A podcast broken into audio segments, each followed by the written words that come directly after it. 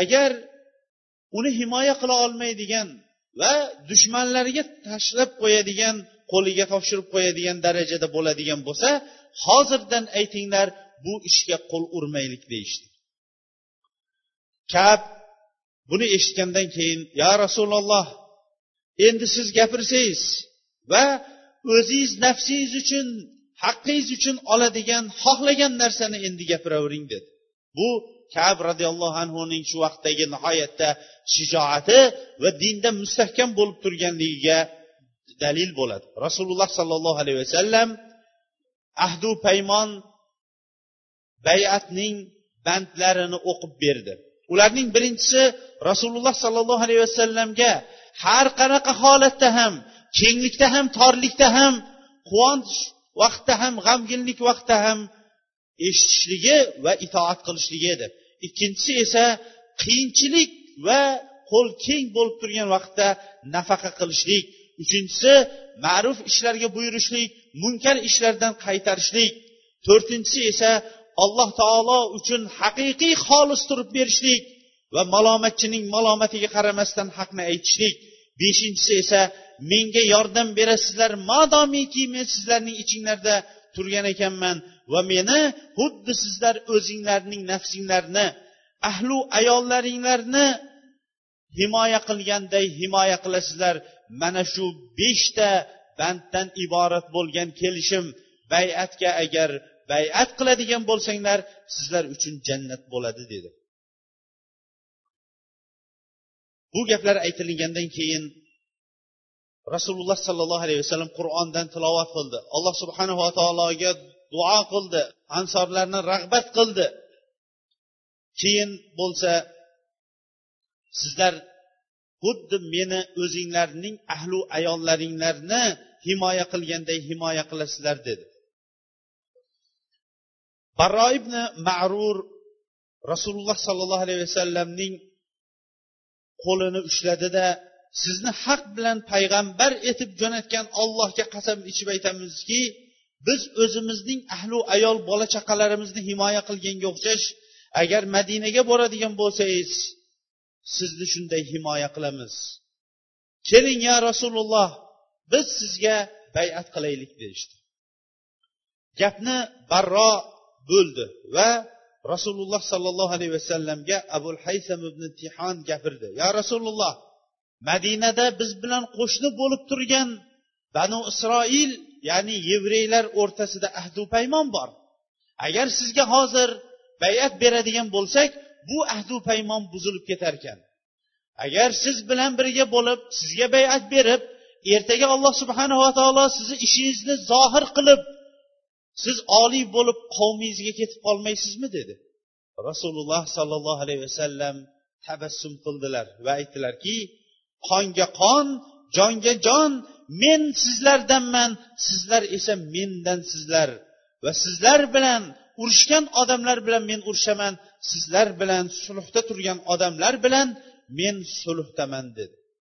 Keyin bo'lsa ular asta sekinlik bilan bayat berishni boshladi. O'rtadagi gaplar va kelishimlar tugagandan keyin avvalgi hajda kelgan odamlar va undan keyingi kishilarning barchalari rasululloh sollallohu alayhi vasallamga bayat berdi. Shunda bayat berib turgan vaqtda abbos ibn ubadat ibn nolla ey insonlar dedi sizlar bu kishiga nimaga bayat berib turganini bilasizlarmi? dedi. Sizlar bu kishiga yaqin kunlarda qizil va qora tanliklar bilan barchasi bilan urushishlikka va shu yo'lda joninglarni va qoninglarni to'kishlikka bayat berib turganinglarni bilasizlarmi? Ichinglarda sharafli insonlar qatl qilinishligi mumkin farzandlaringlar esa asir olinishligi mumkin. Agar mana shunga chiday olaman desanglar bayat beringlar chiday olmayman desanglar bosh tortinglar. Lekin bosh tortishinglar sizlarning dunyo va oxiratdagi eng katta xor bo'lishinglar mana shu bo'ladi. Agar u kishiga berayotgan ahdu paymoninglarga vafo qiladigan bo'lsanglar va bu kishi chaqirayotgan yo'lda molinglaru joninglarni fido qiladigan bo'lsanglar sizlar dunyo va oxiratning saodatini topasizlar dedi. Ular aytishdi yo rasululloh bu kishilar qayta qayta ta'kidlab aytayotgan o'sha bayatga biz amal qiladigan bo'lsak bizga nima bo'ladi? deganda rasululloh sollallohu alayhi vasallam sizlarga jannat bo'ladi dedi. Ular qo'lingizni cho'zing yo rasululloh dedi qo'llarini rasululloh alayhissalom cho'zdi. Keyin o'sa ular qo'llaridan olishib hammasi qayta qayta aytishib ular bay'atni berishdi. Bay'at tugagandan keyin bu voqea nihoyatda yashirin holatdagi voqea bo'layotgan edi. Bay'at tugagandan keyin asad ibn zuroraga aytildiki ey asad dedi biz ya qo'lingizni cho'zing rasululloh alayhissalomni nomidan ham sizga bir bay'at beramiz deyishdi. Bu yilgi bay'at qo'lma qo'l qilingan ahdu paymondan keyin faqatgina ikkita ayolgina rasululloh alayhissalomning qo'llarini ushlab bay'at berganlari yo'q chunki rasululloh sollallohu alayhi vasallam hayotlarida biron bir marta begona nomahram ayolning qo'llarini ushlamagan. Rasululloh sollallohu alayhi vasallam bu yetmish beshta odamdan o'n ikkita odamni o'ziga naqib yaqin odamlaridan javobgar odamlaridan qilib tanlashlikni buyurdi. Bu naqiblar to'qqiztasi hazrajdan uchtasi avs qabilasidan bo'ldi. Bayat ahdu paymon tugaganidan keyin ularning yashirinib turganini shaytonlar ichidagi bittasi bilib qoldida tog'ning tepasida turib ey makka ahli muhammad madina ahli bilan sizlarga qarshi qilich ko'tarishlikka ahdu paymon bir biriga olib qo'yishdi deb baqirib yubordi. Buni eshitgandan keyin rasululloh sollallohu alayhi vasallam ey ollohning dushmani endi sizlar dedi asta sekin o'z o'rninglarga borib dam olinglar dedi. Barchalari xuddi o'rinlaridan mushuk o'rnidan turganga o'xshash sezilmagan holatda o'rnidan turishdi va o'z o'rinlariga qaytishdi. Shaytonning bu baqirig'ini atrofdagilar eshitishgan edi. Ertalab shivir shivir gaplar keta boshlashdi. Qurayshning kattalari madinaning kattalariga kelishib sizlar bilasizlar bu ichimizda yurgan muhammadning qilib yurgan ishlarini va sizlarning ichinglarda ham ba'zilari bu dinni qabul qilib qolganligini biz eshitdikki bizga qarshi urush qilishlikka ahdu paymon qilib qo'yibsizlar. Allohga qasamki biron bir arablarning biron bir qavmi sizlar bilan biz o'rtamizda urush bo'lishlikni yoqtirmaydi dedi. Va urush bo'ladigan bo'lsa hozirdan aytishlikni talab qilishdi. Lekin hazrajdan ya'ni madinadan kelgan hojilarning hammasi ham musulmon emas edi. Mushriklari bo'lgan voqeani bilishmas edi. Chunki hammalari uxlab yotgan vaqtda musulmonlari o'rinlaridan asta sekinlik bilan turib o'sha vodiyga borishgan edi. Kattalari ollohga qasam ichib aytishdiki bunaqa ish bo'lmadi bizda dedi. Hattoyinki ularning kattasi bo'lgan abdulloh ibn ubay ibn salul ollohga qasam ichib aytamanki bu gap behuda gap begor gap bunaqa gap bizda bo'lmagan. Agar yasribda ya'ni madinada bo'lganimda ular hamma ishlarni meni oldimdan o'tmasdan maslahatlashmasdan unaqa qilishmasdi dedi. Ammo musulmonlar bo'lsa madinadan kelganlari bir birlariga qarab qo'yishdida hech narsa deyishmadi. Qurayshning kattalari bu gapni ishonishib ortiga qaytishdi. Lekin ularning qalblarida hali ham uncha muncha gumon bor edi. Ba'zilari bu ishni daqiq ortiga tushib turib ipidan ignasigacha surishtira boshlashdida bu voqea bo'lganligini aniqlashdi va darrov kattalarga xabar berdi. Bular darrov madinaliklarni hammasini qurshovga olishlik uchun otliqlari bilan chiqqan vaqtda madinadan kelgan hojilar haj amallarini bitirib madina tomonga ketib qolgan edi. Yo'lda ular sad ibn ubada va munzir ibn amirlarnigina ushlashdi. Ammo munzir ularni qo'llaridan qochib qutuldi saad bo'lsa qo'lga tushib qoldi. Abu jahl va uning do'stlari saadni urgan holatda makka ahliga olib kirdi. Lekin o'rtadagi karvonboshilar o nima ish qilyapsizlar? Karvonimiz madinadan o'tadigan bo'lsa bular ertaga karvonimizni vayron qilishadiyu deb turib uni qo'yib yuborishdi. Bu voqeadan xabar topgan yo'ldagi madina ahli endi orqaga qaytamiz deb turgan vaqtlarida do'stlari saad qaytib kelayotganini ko'rishdi va barchalari sog' omon madinaga yetib kelishdi. Bu islom tarixidagi nihoyatda buyuk voqea. Rasululloh sollallohu alayhi vasallamning da'vati uchun islom uchun katta bir vatan. Alloh subhanahu va taolo yetti osmon ustidan tanlagan buyuk bir shahar nurli bir shahar endi tanlangan edi. Buning ahllari o'zilari yaxshi ko'rib turgan narsani o'zgalarga ravo topadigan ravishdagi buyuk sifatli bo'lgan ansorlar rasululloh alayhissalomning da'vati islomning kelajagi barqaror topadigan shahar tanlanib bo'lgan edi.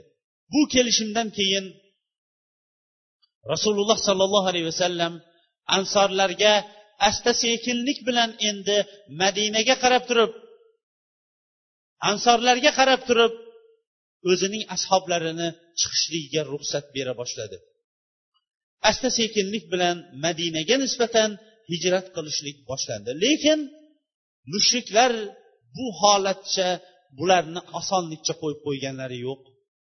Musulmonlar bilishardi yo'lning mashaqqati madina bilan makka yo'l o'rtasi piyoda imkoni bo'lganlar karvonda yurishligiga qaramasdan qancha qancha xavfu xatar bir tomonda turadigan bo'lsa ikkinchi tomonda makka mushriklarining musulmonlarga qilayotgan tahdidlari qo'rqitishlari va hijratga ruxsat bermay turganligi bu undan ham dahshatliroq ko'rinishlardan bittasi edi. Eng birinchi hijrat qilganlarning bittasi abu salama. Ayoli ummu salama va o'g'li uchovi chiqishdi. Bular ahdu paymondan avval chiqib qo'yishgan edi. Ular makkadan chiqay deb turgan vaqtlarida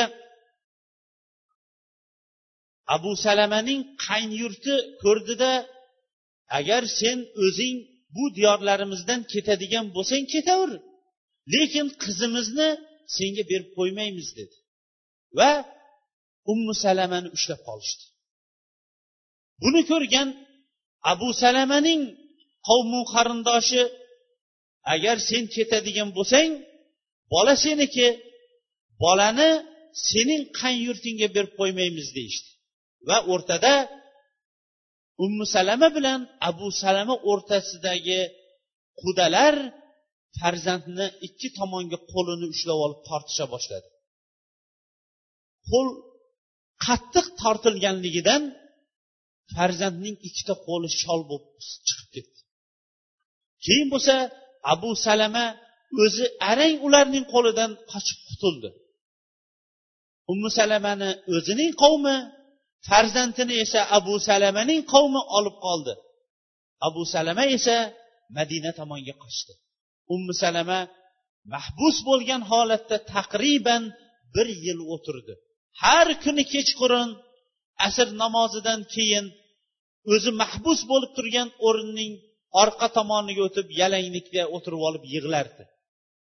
Kuyovning qayoqqa ketganligi ikki qo'li shol bo'lib qolgan bolasining ahvoli nima ekanligini bilmasdi. Vaqtlar o'tgandan keyin o'rtaga ba'zi odamlar tushdida bu miskinani eridan farzandidan ayirib o'zini esa mana shunday mahbus holatda ushlab turib asira holatda bunchalik qiynaysizlar endi qaytaringlar deb berib yuboringlar dedi. Bir yil davomida qilayotgan ko'z yosh yig'ilaridan keyin qavmi ham uni farzandini qaytarib berdida tuyaga o'tkazib yo'lga tushirib yubordi. Ummu salama bilan bag'ridagi farzandi va yolg'iz o'ziga suyanchiq bo'lgan alloh taolodan boshqa hech kim yo'q edi. Madinaga yaqinlashib qolgan vaqtda uni talhat ibn ubay kutib oldi. Ummu salamaning otasi o'zi taniqli odam edi. Avval ummu salamani ko'rib yurardi. Borayotgan joyini bildida qubo tomonga uni yo'llab turib bu yoqqa kiradigan bo'lsang eringni topasan dedi. Suhayb roziyallohu anhu ham makkadan chiqib ketmoqchi bo'lib turgan vaqtda qurayshning kattalari keldida ey suhayb dedi. Suhayb rumdan kelgan edi. Asli tagi arab lekin rum diyorlariga qul bo'lib rumliklarga o'xshab ketgan edi. Va suhaybni rumiy degan laqabni olib qolgan edi. Ey suhayb dedi bizga kelgan vaqtingda qip yalang'och gadoyi bo'lib yalangoyoq holatda kelding va bizda sen mana shu darajaga yetib boyib ketding. Endi shu bizdan topgan mol davlatingni ko'tarib ketmoqchimisan. O'ylaganing bekor. Biron bir narsani bizdan olib ketolmaysan dedi. Suhayb roziyallohu anhu agar dedi mana shu topgan molu davlatimni sizlarga tashlab ketadigan bo'lsam rozimisizlar dedi. Ular rozimiz dedi. Suhayb roziyallohu anhu unday bo'lsa borliq uyim va topgan molu davlatimning bari sizlarga meni qo'yib yuboringlar dedi. Qo'yib yuborishdi. Bu xabar rasululloh sollallohu alayhi vasallamga yetganda suhayb foyda qilibdi suhayb foyda qilibdi dedi. Ular olloh va rasulining amri bilan madinaga chiqib ketayotgan vaqtlarida nafaqat o'zlarini o'zlari yaxshi ko'rgan muqaddas shahar bo'lgan makkani va o'zlarining qavmu qarindoshlarini vatanini va molu davlatini va vaqti kelsa jonini ham fido qilib chiqib ketishardi. Umar ibn xattob yosh ibn ubay robia va hisham ibn aslar bir joyga to'planamizda o'sha yerdan asta sekinlik bilan yashirin holatda chiqib ketamiz deyishdi. Umar ibn xattob va yosh belgilangan vaqtga yetib keldi ammo hishom ulardan kechikib qoldi va qolib ketdi. Umar ibn xattob bilan ayosh roziyallohu anhular madinaga yetib quboga tushgan vaqtda ortidan abu jahl va akasi haris kelgandi bular iyosh bilan uchovining ham onasi bir edi. Iyoshga aytdi ey iyosh dedi. Onang nazr qilib qo'ydi. Agar makkaga qaytmaydigan bo'lsang boshiga suv ham quymaslikka taramaslikka va makkaning jazirama issig'ida soyaga o'tmaslikka nazr qilib o'tirdi. Onamizning holati yaxshi emas qaytmasang bo'lmaydi dedi. Umar ibn xattob aytdi ey iyosh bular sizga bir makr hiyla ishlatyapti. Allohga qasamki u yoqqa qaytmang ulardan ehtiyot bo'ling sizni fitnalantirib qo'yadi dedi. Agar onangiz boshini taramasa ertaga bit tushadi tarashga majbur bo'ladi. Makkaning jazirama issig'ida qiynalgandan keyin soyaga kirib ketaveradi. Lekin siz diningiz bilan salomat keldingiz ularga ergashmang dedi. Lekin yosh bosh tortdi. Umar ibn hattob unday bo'lsa meni tuyamni olib oling. Tuyam nihoyatda chopqir. Yurganda esa tez yuradi. Agar bular akalaringiz sizga biron bir fitna ishlamoqchi bo'ladigan bo'lsa qochasiz ularning tuyasidan bu tuya o'zib ketadi yetkazmaydi dedi. Mayli dedi. Umar ibn hattobning tuyalarini mindi va ular yo'lga chiqib ketishdi. Yo'lda ketayotgan vaqtida abu jahl aytdi ey birodarim dedi meni tuyam sal yurishga qiynalyapti. Sizni tuyangiz juda baquvvat ekan. Ha aka ukachilik ham boru tuyangizga o'tirib olsam maylimi? dedi. Ha mayli o'tira qoling dedi. Tuyaga o'tirganidan keyin ikkovlari ham iyoshga darrov changal solishdi va uni bog'lagan holatda makka ahliga olib kirdi. Va aytishdiki abu jahl ey makka ahli bizni o'zimizni ichimizdan aka ukalarimizdan mana shunaqa ahmoq bo'lib qolganlarni mana shunaqa qilyapmiz. Sizlar ham o'zinglarning ichinglardan mana shunaqa muhammadga ergashib ahmoq bo'layotganlarni mana shunaqa qilinglar dedi.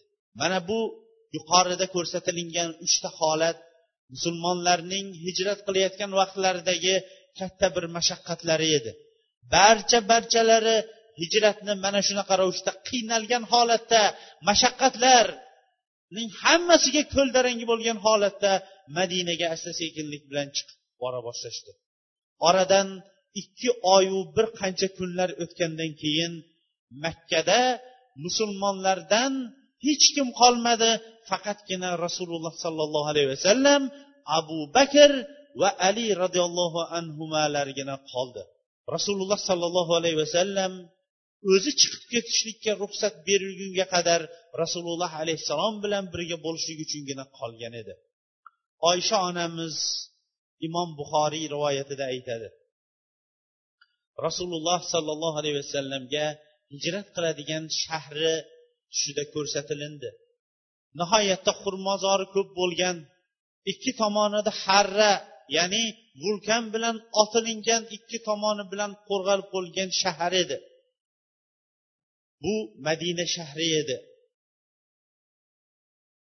Rasululloh sollallohu alayhi vasallam hijrat qilishlikka ruxsat bergandan keyin habashistonga hijrat qilganlarning ham ba'zilari madinaga qarab qayta boshlashdi. Abu bakr madinaga qarab hijrat qilishlikka tayyorgarlik ko'rganda rasululloh alayhissalom siz shoshmay tursangiz hatto menga ruxsat berilguncha shoshmay tursangiz dedi. Abu bakr roziyallohu anhu ota onam sizga fido bo'lsin agar siz shunday desangiz ish shunday bo'ladi dedi.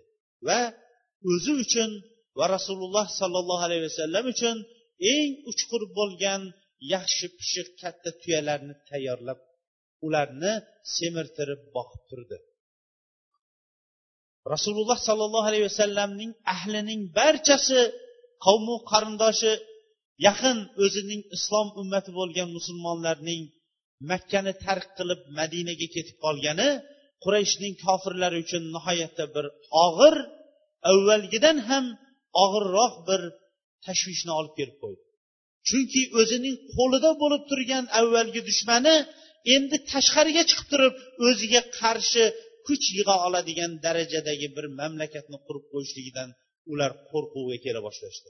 Va hijriy o'n to'rtinchi yil safar oyining ya'ni besa rasululloh alayhissalomning yuborilgan hijriy yilidan o'n to'rtinchi vahiy tushishdan boshlab o'n to'rtinchi yilning yigirma oltinchi safar oyida bu o'n ikkinchi sentyabr olti yuz yigirma ikkinchi yilga to'g'ri kelar ekan. Milodiy sana bo'yicha makkada nihoyatda katta bir yig'ilish o'tkazilindi bu yig'ilishda makka ahlining rasululloh alayhissalomga qarshi turadiganlarning eng kattalari jamlanishdi.